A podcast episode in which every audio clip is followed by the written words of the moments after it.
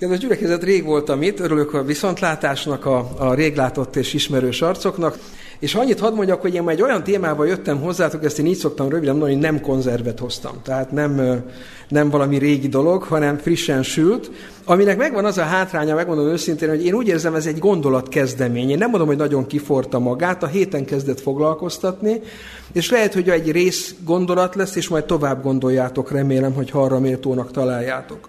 Az alapigénket a zsidókhoz írt levélből olvasom, amit Pálapostól írt, bár ugye nem mondja magáról, vitatják ennél a levélnél, hogy olyan fura, hogy Pál nem mondja, de azt mondják, hogy senki ilyen levelet nem tudott volna írni abban az időben Pálon kívül, tehát úgy tartjuk nyilván, mint Pál levelét.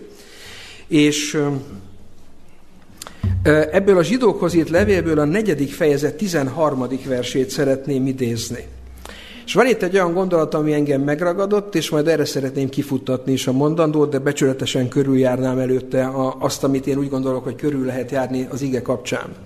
Pál itt azt írja, nincsen olyan teremtmény, amely nyilvánvaló nem volna előtte, sőt mindenek mesztelenek és leplezetlenek annak a valakinek a szemei előtt, akiről mi beszélünk.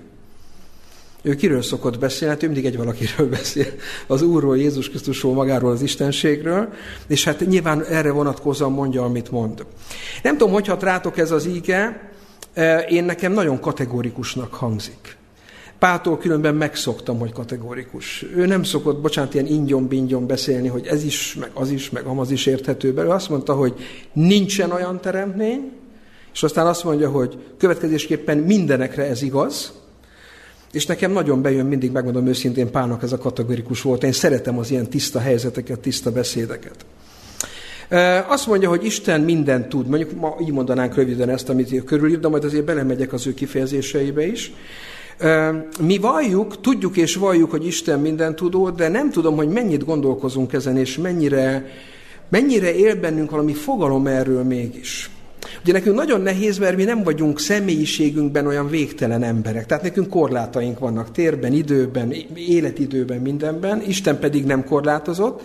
Ezért nekünk nagyon nehéz fogalmat alkotni arról, hogy mi az a minden tudás. Tegnap egy más téma kapcsán beszéltem, egy internetes felvételt csináltam, hogy Jézus azt mondta, hogy nekem adatott minden hatalom menjen és földön. Na jó, de az mit jelent? Jó, hát értem fogalmilag, hogy mit jelent, de elképzelni, mi azt nem tudjuk, hogy mit jelent az a totális hatalom az univerzumban. És valami ilyesmi az Isten minden tudása is. Ezért azt gondoltam, hogy egy-két példával megvilágítom nektek így frissiben, amit úgy is tudtok, csak hogy rakjunk össze egy kis mozaikot. Térben minden tudás. Mert ugye nem csak térben, ő térben és időben is minden tudó. Emlékeztek, mikor az Úr azt mondja a hegyi beszédben, ha jól emlékszem, hogy a ti fejetek hajszálai is számon vannak tartva, ezért sok értelme nincsen az aggodalmaskodásnak, és akkor finoman idéztem, fogalmaztam meg. Szerintetek az, hogy a mi fejünk hajszálai számon vannak tartva, az egy ilyen költői kép, vagy ezt szó szerint kell érteni? Szavaztatok ki az, aki azt mondja, hogy költői kép? Én nem, csak felmeltem a kezemet. Jó van. Ki az, aki azt mondja, hogy szó szerint kell érteni? Ennek nagyon örülök, azt hittem más lesz az arány. Szerintem ezt szó szerint kell érteni. Van egy kedvenc elméletem, én találtam ki, de szerintem igaz. Amikor szoktunk imádkozni betegekért, mondok egy példát, például rákbetegségben szenved valaki, azzal a hittel tesszük, hogy Istennek van hatalma rá, képes rá, és nagyon sok tapasztalatunk van ilyen tekintetben, hogy meggyógyít embereket. Szerintetek sejtből van több egy emberi testben, vagy hajszából a fejünk tetején? Nem voltam erős biológiából, soha most őszinte leszek, de szerintem sejtből van több, ugye? Jól gondolom. Tehát mi egy sejtszintű látást és beavatkozást várunk Istentől, és hiszünk benne, hogy képes, mert számon tartja még a sejtjeinket is. Akkor a hajszálnál, ha jöttök, az egy bagateltétel ahhoz képest. A, most nem a betegséghez képest, hanem a volumenben, mennyiségben. De azért gondoljátok már meg, hogy 8 milliárd ember él ezen a Földön, Nemrég fuvaroztam anyukámat oda-vissza hozzánk, és mondja, hogy mennyi autó van itt meg. Hát ugye már idős, és nem ez van szokva, meg mennyi ember, és mondom, igenis, ez egy kis ország. Kézzétek el, hogy ahol sokan vannak, és most bocsánat, azt mondom, annak a sok embernek mennyi hajszála van. És az Isten ezt számon tartja, ha csak itt leragadnánk, ezt mi nem tudjuk felfogni, hogy milyen képesség az ilyen, nem? És akkor mondok egy másik példát gyorsan, mert nem akarok itt leragadni. Ez olyan tárgyi térbeli. Időben. Emlékeztek arra, amikor Dávid azt mondja a 22. Zsoltárban, hogy ruháimon megosztoznak, köntösömre sorsot vetnek? Tudnék majd, amikor megfeszítik a messiást, ez egy messiási profécia. És így történt? Így történt. Ezer évvel korábban él Dávid, mint a messiás. Isten ezer évvel előre megmondta, hogy lesz egy ilyen mozzanata a kereszt halálnak.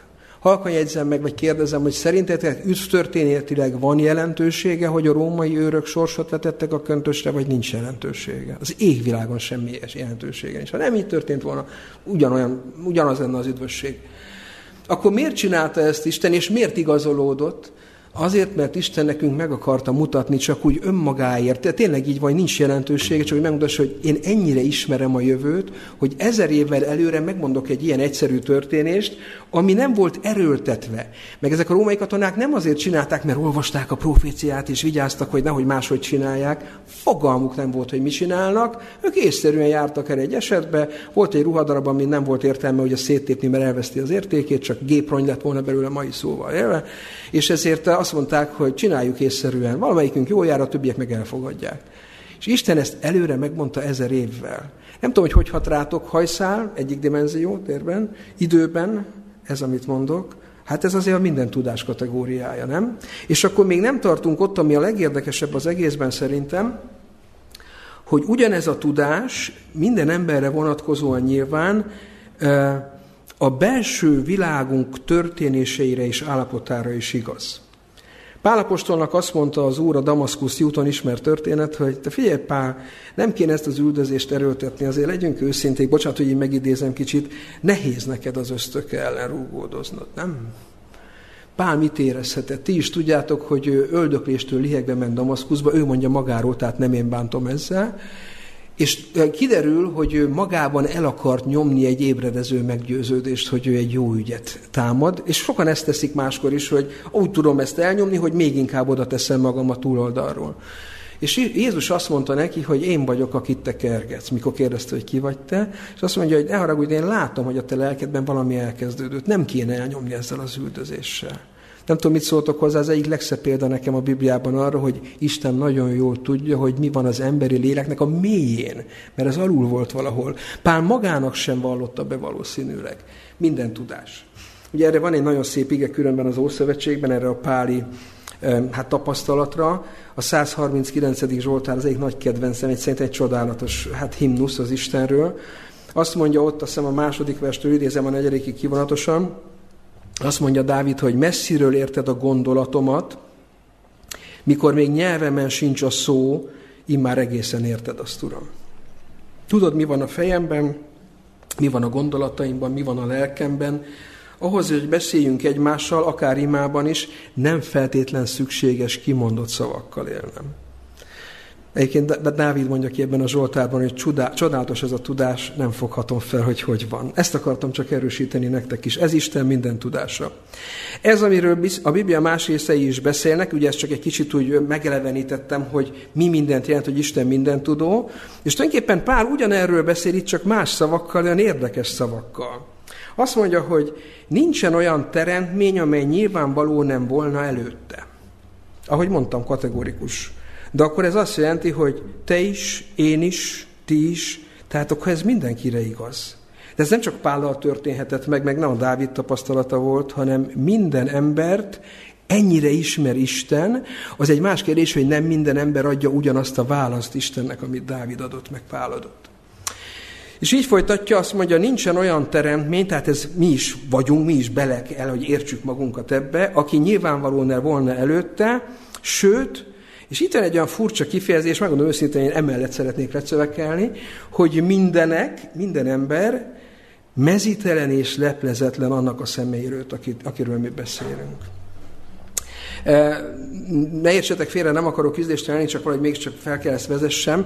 Ugye itt a mesztelenség szót említésére mindenki megborzong. Hát ugye az egy privát dolog, ugye csak a leghozán közelebb álló személlyel vagyunk ilyen intim kapcsolatban.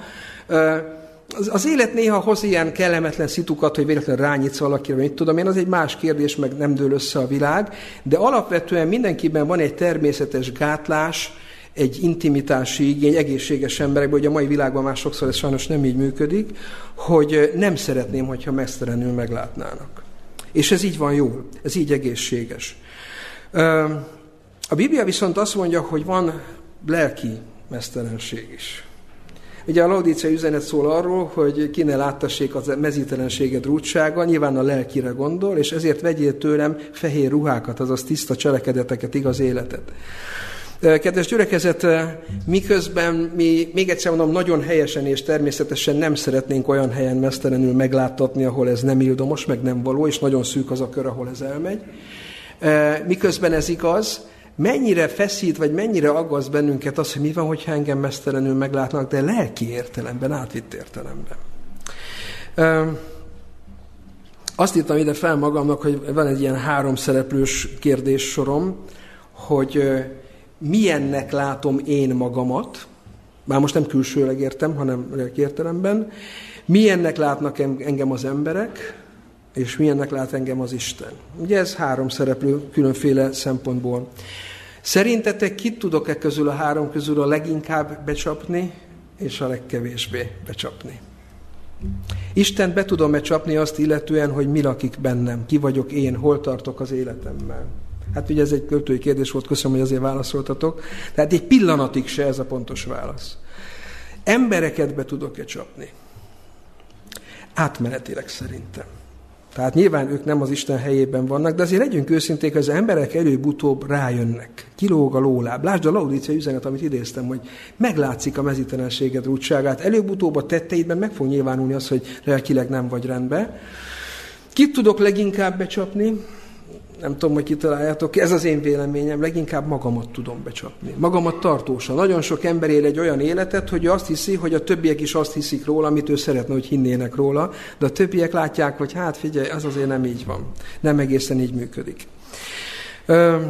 Ki az, aki közülünk szeretné, most kérdezkedhetném, mint itt az erőbb a kicsiktől, de milyenek kérdezem, hogy ki az, aki közülünk szeretné, hogy mások lássák a hibáit, a bűneit, az életének a negatív oldalait nem kell jelentkezni, meg kímélek benneteket ettől. Szerintem senki.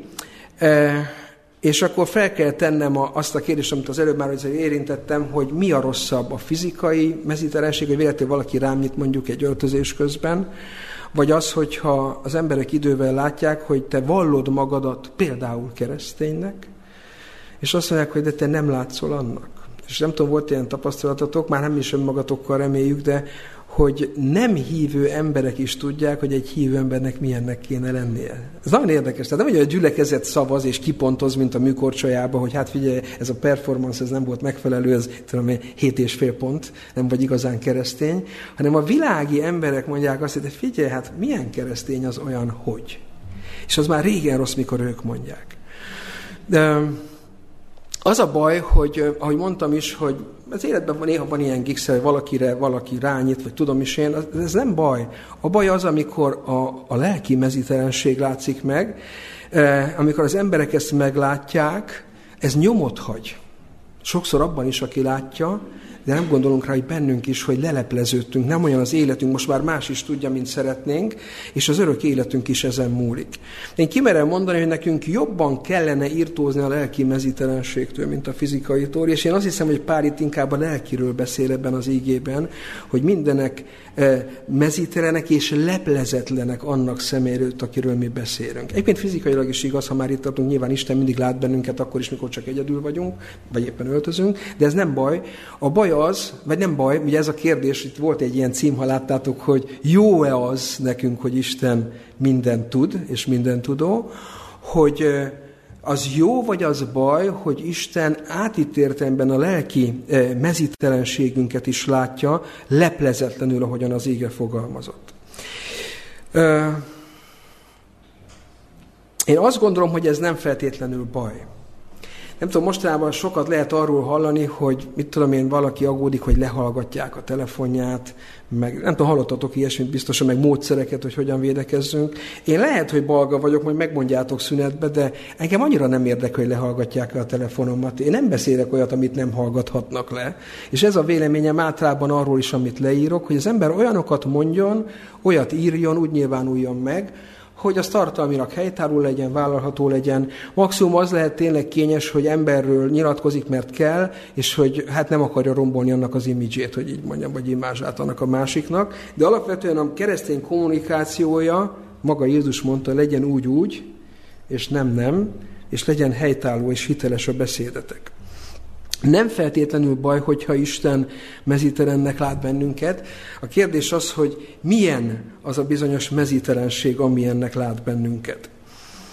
Erre még később vissza is térek, úgy látom a vázatomba, de most nem akarok odaugrani. Ha komolyan veszük, amit Pál mond, akkor mi legyen a mi törekvésünk, célunk, szempontunk? Egy igét hadd idézzek most először, 2 Korintus 10, 5-nek egy részét. Azt mondja az apostol ugyanez a Pál, hogy foggyulejtvén minden gondolatot, hogy engedelmeskedjék a Krisztusnak. Ha észrevettétek, a gyerekeket is ebbe az irányba tanácsoltam, hogy amikor jön a késztetés, akkor a jó választ kell megragadni.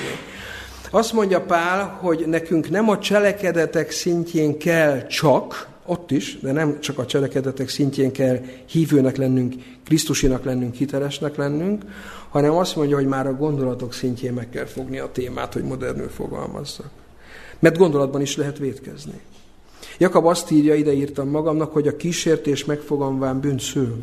A kísértés az mi? Az egy gondolat, nem? Látsz valamit, és arra reagálsz. Vagy így, vagy úgy. Mondom, amit a gyerekeknek mondtam. Vagy hárítod, nem vagy felelős érte, hogy jött egy kísértés. A kísértésért sosem vagy felelős. Ha a kísértés megfogan, hát azért már felelős vagy. És akkor azt mondja, hogy bűn szül, tehát ugye, olyan gondolat fogalmazódik meg, abból meg olyan cselekedet következik. Ide írtam magamnak, hogy mi van mi a különbség a foganás és a szülés között, ha már ezeket a szavakat használják? Kilenc hónap, nem normális esetben, de ez a kilenc hónap, ez valahol megvan a, a lelki értelemben is, hogy igen, van a kísértés, megfogan, és nem rögtön lesz bűn belőle, de ha kihordja az illető, hogy így mondjam, akkor az lesz a haragból, gyilkosság lesz. A kívánságból, mondjuk egy másik ember megkívánása, paráznaság lesz, és így tovább. Nem véletlen az, hogy a tizedik parancsolat is erről a témáról beszél. Ugye nem tudom, mennyit időzünk a tizedik parancsolatnál, a tizedik parancsolat kicsit más. Érdekesek, a tizedikek mindig mások, figyeljétek meg. Egyiptomban volt tíz csapás, kilenc csapás figyelmeztető erejű volt, nem feltétlen követelt emberáldozatot, és alanyi jogon kapták szerencsétlen egyiptomiak, és alanyi jogon mentesültek a zsidók. Jött a tizedik, mitől volt más?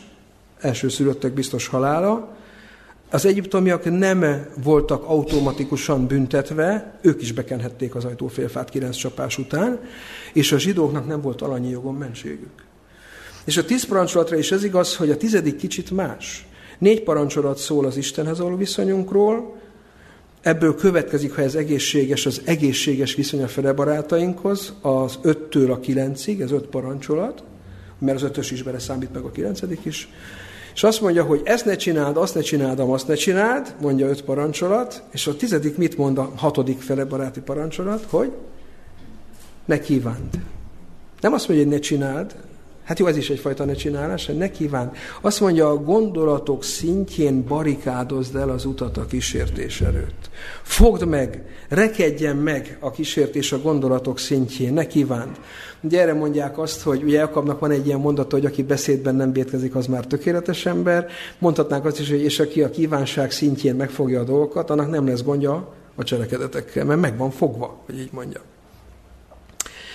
Ugye Jézus Krisztus is erről beszél a hegyi beszédben, csak hogy teljes legyen a kör, ezt még ide tettem, hogy ha megbotránkoztat téged, emlékeztek rá, a te szemed, egy borzasztó dolgot mond, hogy saját magának válja ki az ember a szemét. Nyilván nem az a cél, hogy fizikailag ezt megtegyük, hanem hogy olyan erővel küzdjünk ezzel a kísértés ellen, hogy inkább a, ha a lényünk részének érezzük már azt a problémát, azt a bűnt, hogy így mondjam, azt is ö, ö, vegyük fel vele a harcot, mert inkább szakadjon ki a lényünkből az a hozzánk belénk nőtt rossz, érezzük úgy, hogy csonkák vagyunk enélkül inkább, mint hogy ezzel együtt veszünk el a gyehennára, hogy ott mondjam.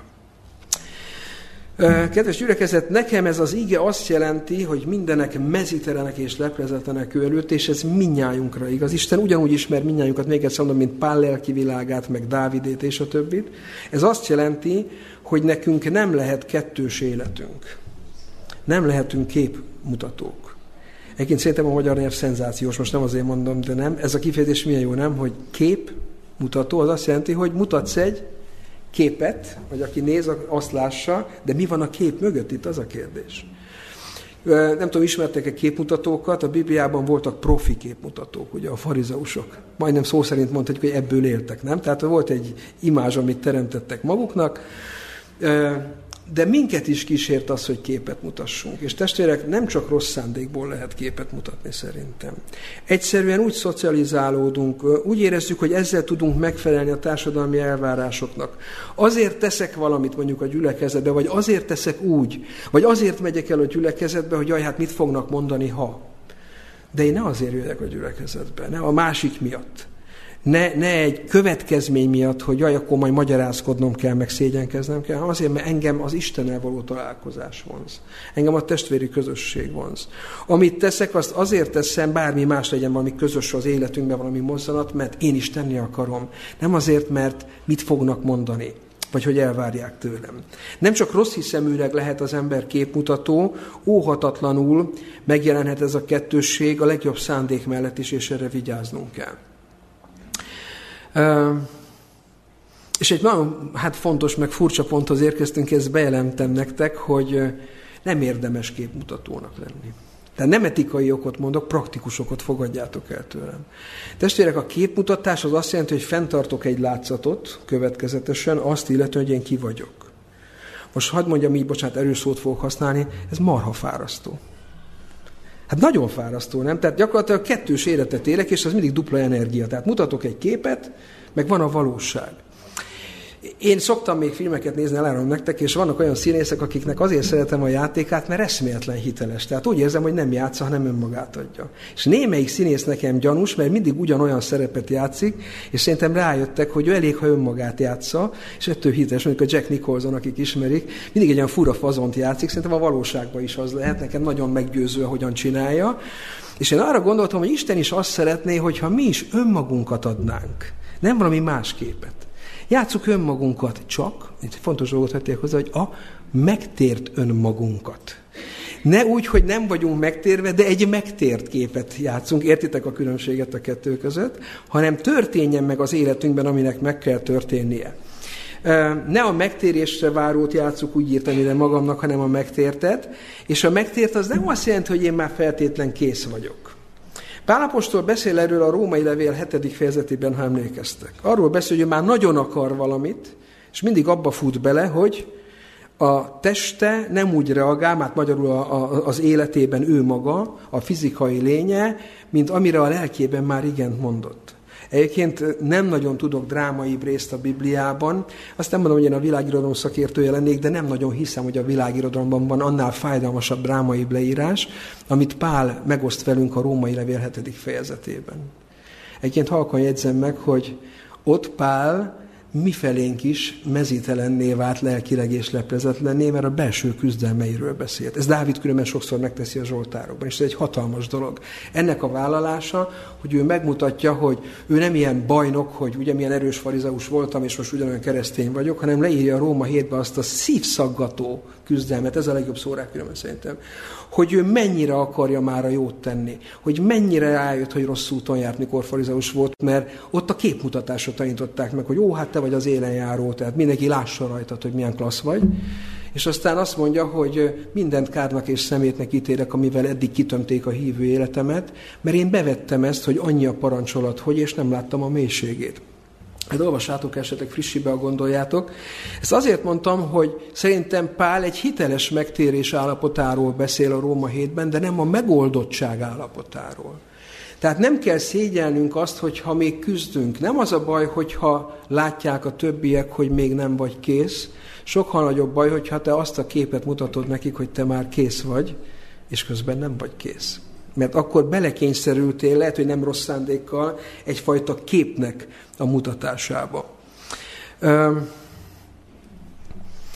igen, majdnem átugortam egy fontos pontot, hogy miért mondom azt, én sajnos ilyen, ilyen praktikus, meg kényelmes ember vagyok, hogy én már csak azért sem szeretek hazudozni, mert ez nagyon fárasztó. Tehát erkölcsileg is elítélem, persze, ne értsetek félre.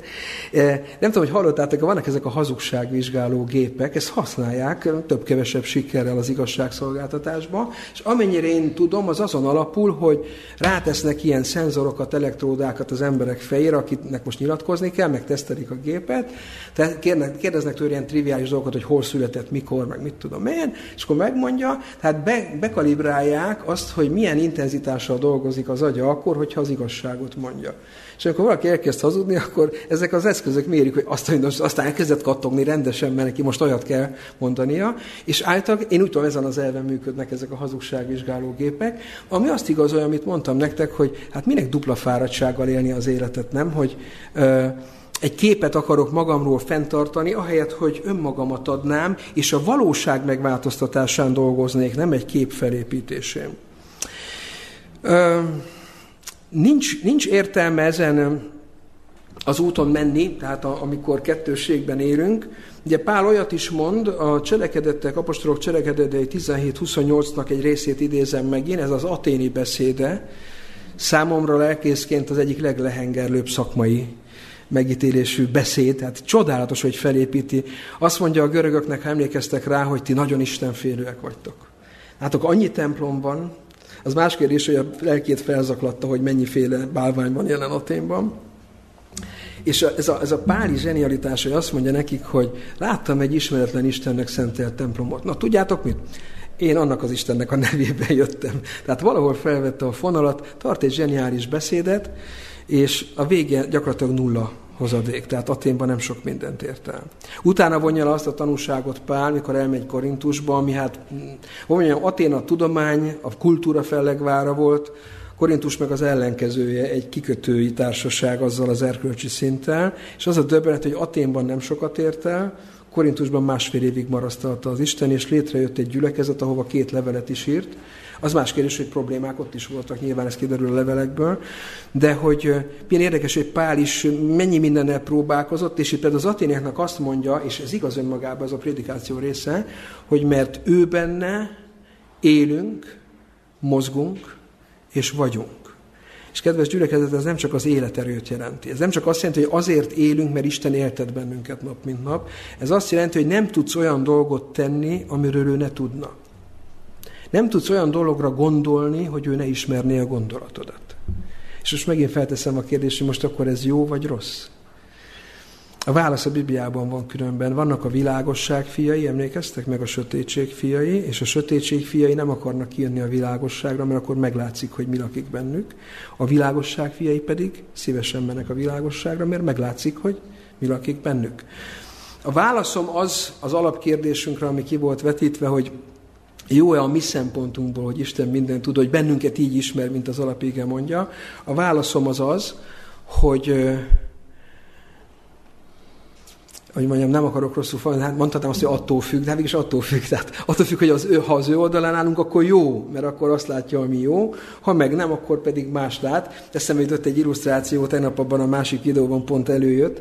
Emlékeztek arra, amikor megjelenik az angyal Jézus sírjánál, elhengeríti a követ, az, az őrök halára válnak a rémülettől, azt írja a Biblia, és közben ott vannak az asszonyok, akik kimentek bebalzsamozni Jézus testét, és emlékeztek, mit mond az angyal nekik?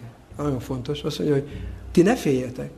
Ezek mondjuk jól teszik, ha félnek, de ti ne féljetek. Na ez a különbség itt is, amiről beszélünk, hogy van egy szakadék. Igen, azoknak, akik az Isten útját járják, akik nem egy kettős életet élnek, különben egy életen át halára fárasztva magukat ezzel, azoknak ez jó hír, hogy Isten úgy is mindent tud, meg mindent lát, mert nincs szégyelni valóm. Azt is látja, hogy küzdelmeim vannak, azt is, hogy még nem értem célba, de azt is látja, hogy komolyan szeretnék, mert ismeri a szívemet, ismeri, hogy mi lakik a fejemben és a lelkemben. Akik meg képmutatóskodnak, hát azoknak nem jó hír.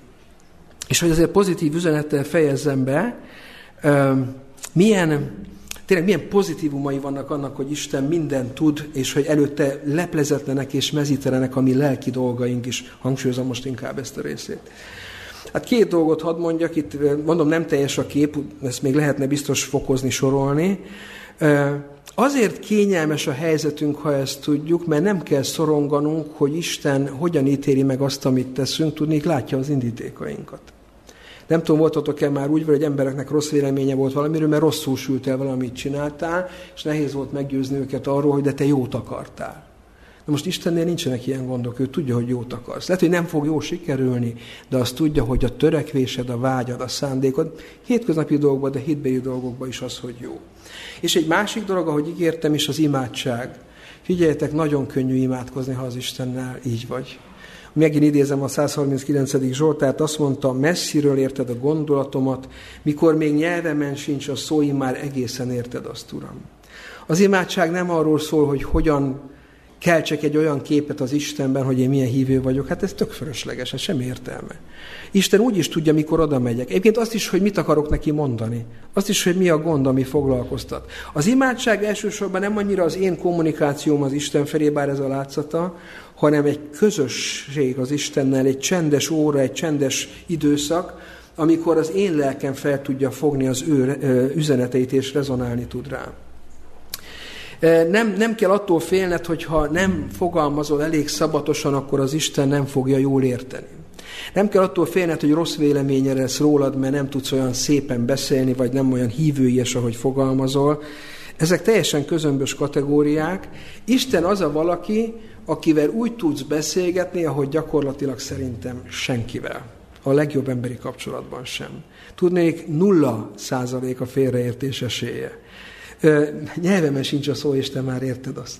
Tulajdonképpen azért imádkozunk hangosan, mert nem árt, hogyha mi is megerősödünk abban, amit mondunk. Istennek nincs rá szüksége. Egyébként nem az imádságról akartam ma beszélni, de annyit hadd mondjak, hogy felesleges olyan listákat vinni az Istenhez, hogy miket szeretnénk kérni. Ezt nem arra mondom, hogy ne imádkozunk betegekért név szerint, hanem arra, hogy Uram, még tárgyilag el tudnék képzelni az életembe dolgokat.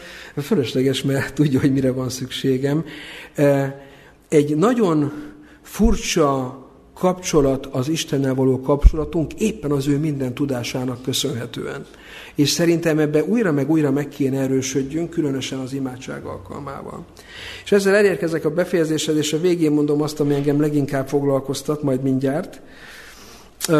Azzal kezdem a befejezést összegzéssel, hogy most akkor jó vagy rossz, az, hogy az Isten minden tudó. Hát figyeljetek, sokkal egyszerűbb abban a tudatban élni, hogy úgyis mindent tud, és amit mondtam, hogy egy, egy, egy egyszerű életet élek, és nem egy dupla, nem egy megkettőzött, nem egy valamilyen hívőies képet mutató életet, sem Isten felé, sem a gyülekezetben egymás felé. Egyszerűbb így az élet, és sokkal alacsonyabb energiaszinten művelhető, azt írtam ide magamnak. Egyébként teljesen mindegy, hogy tetszik vagy nem tetszik, mert mindenképpen ez van. Tehát akkor is az igaz, amit Pál mond. Én szerintem a legfontosabb az, és én ezt szeretném a lelketekre kötni, hogy nekünk a szemlélet szintjén kéne rögzíteni az életünkben azt, hogy bármit teszünk, bármit mondunk, bármit gondolunk, nem szombaton, hanem minden nap, 7x24-ben, azt ő mindig tudja, mert ő benne élünk, mozgunk és vagyunk. És meg kell szoknunk azt, hogy nincs kettő, nem lehet kettősség az életünkben, nem engedhetünk meg magunknak velünk élő hibákat, velünk élő bűnöket, így is mondhatnám. Ugye egyszer hallottam egy ilyen történetet, hogy megkérdeztek lelkészeket, hogy ha lehetséges lenne, beleegyeznének-e abban, hogy miközben prédikálnak, a, a hetüket mutassák a kivetítőn a gyülekezet. Hallottátok már ezt a történetet? És, tehát az, hogy, hogy milyen volt a hete, hogy miket hibázott például, meg hát mit csinált jól, olyan is lehet. És hát nem tudom, hogy nagyon nagy százalékban azt mondták a megkérdezett lelkészek, hogy hát inkább nem. És én sem vagyok büszke mindenre, amit hétközben csinálok, bár igyekszek, ahogy Pál mondja. De e, ez jutott eszembe arról, hogy Isten viszont mindig látja minnyájunk életét, és nem fontos, hogy egymásét lássuk, erre nincs szükségünk. Viszont ha azzal a tudattal tudnánk élni, ebben erősödnénk meg, ebben erősítenénk egymást is, meg a gyerekeinket is, hogy amikor egyedül vagy, Isten akkor is lát. És ez egy jó dolog. Jó dolog is lehet, és egy jó dolog kell, hogy legyen. De soha ne csinálj olyat, amit emberek előtt szégyelni, mert azt Isten előtt is szégyelned kellene. Azért, mert nincsenek emberek, azért ne érezd magad szabadnak. És kedves gyülekezet, ez az íge, amit Pál egy kicsit olyan, hát szerintem erős szavakkal fogalmaz meg, mert ez a mesztelenség szó egy eléggé megakasztó szó.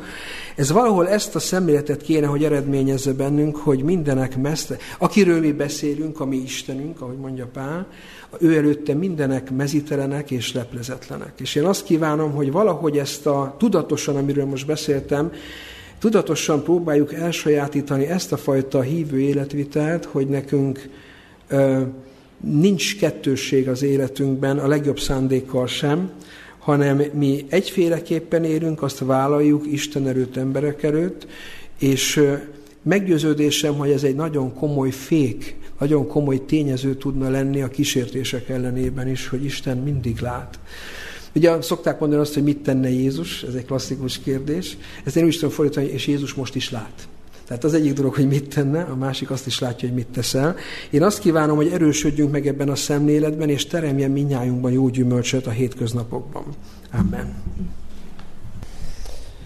Menjen jó atyánk, hálásak vagyunk azért, hogy a gyermekeid lehetünk, és hálásak vagyunk azért a kiváltságért, hogy kézben tarthatjuk, olvashatjuk és érthetjük a Te ígédet.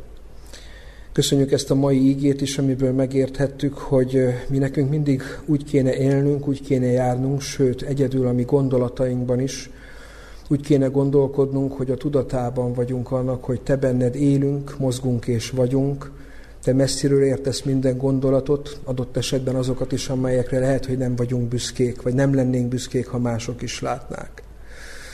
Kérünk, segíts bennünket, hiszen olyan nehéz az, hogy sokan, sok ideje, sok éve, évtizede próbáljuk a hit útját járni, és megszokhattunk egyfajta kettőséget úgy, hogy nem volt rossz szándék bennünk, hogy kifelé valóban minden rendben van az életünkben, de belülről ki tudja, hogy mi rág bennünket.